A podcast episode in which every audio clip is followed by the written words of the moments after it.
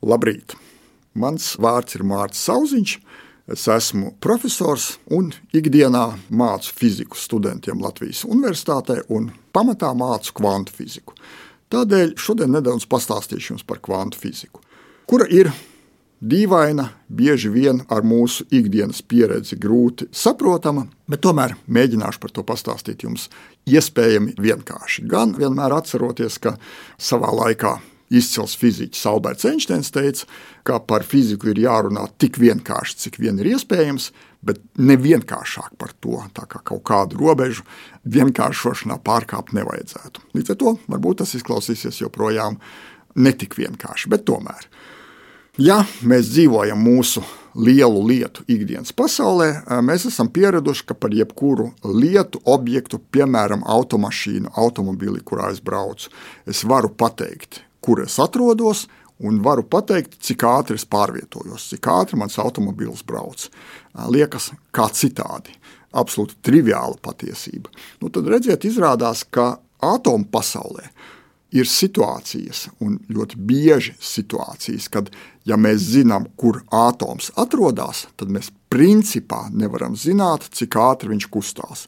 Un otrādi, ja mēs zinām, cik ātri atoms pārvietojās, cik ātri viņš kustās, tad mēs principā nevaram zināt, kur viņš atrodas. Un šis ir nevis mūsu mērinstrumentu precizitātes problēma, bet absolūti fundamentāls dabas ierobežojums un to atklāja divi fiziķi, vācietis Werners Heisenbergs un Dānis Nils Bors.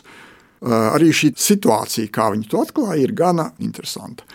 Leģenda, kas patiesībā varbūt pat nav leģenda, bet ir ļoti tuvu patiesībai, vēsta, ka kādā vakarā pēc darbdienas Werners un Nils Bors, Heisenbergs strādāja Bora institūtā, esot pie vakariņām izdzēruši pudeli vīna. Pēc tam Heisenbergs devies uz savu dzīvokli, un sācis domāt par lietām, ko viņi bija runājuši pie vakariņām. Bors aizgājis staigāt pa parku, un patiesībā abi nonāca pie ļoti uh, līdzīgiem secinājumiem. Heisenbergs pierādīja neapgāžami, ka atomu pasaulē, ja mēs zinām, kur daļiņa atrodas, mēs nezinām, cik viņa ātri kustās. Un otrādi, Bors šo te padarīja par uh, filozofisku principu. Viņš nonāca pie secinājuma, ka katram jēdzienam, katram apgalvojumam ir viņa papildinošs jēdziens. Ja mēs šo pirmo pieņemam, tad par otro mēs neko zināt nevaram. Lai tas neskanētu tik abstrakti, es izstāstīšu vienu gadījumu, kas ļoti raksturo arī mūsu šīs dienas sarunu. Un gadījums ir sekojošs. Vienā publiskā lekcijā, kad Bors par šo papildināmības principu stāstīja, viens no klausītājiem viņam jautāja, bet profesor Bor, jūs gribat, lai mēs šīm lietām ticam, ko jūs mums stāstiet. Jūs apgalvojat, ka tā ir patiesība. Nu, kas ir papildinošais jēdziens patiesībai, ka ja mēs zinām patiesību, tad ko mēs nezinām? Bors ilgi nedomājot, teica, ka papildinošais jēdziens patiesībai ir skaidrība un vienkāršība. Ar to pasakot, ka, ja es jums gribēšu izstāstīt pilnu patiesību par šīm lietām, tas pavisam noteikti nebūs vienkārši un nebūs īsti saprotami. Ja es jums gribēšu izstāstīt vienkārši un saprotami, populāri, tad, protams, tā nebūs nepatiesība, bet, acīm redzot, tā nebūs patiesība visās niansēs, tas nebūs stingrs pierādījums.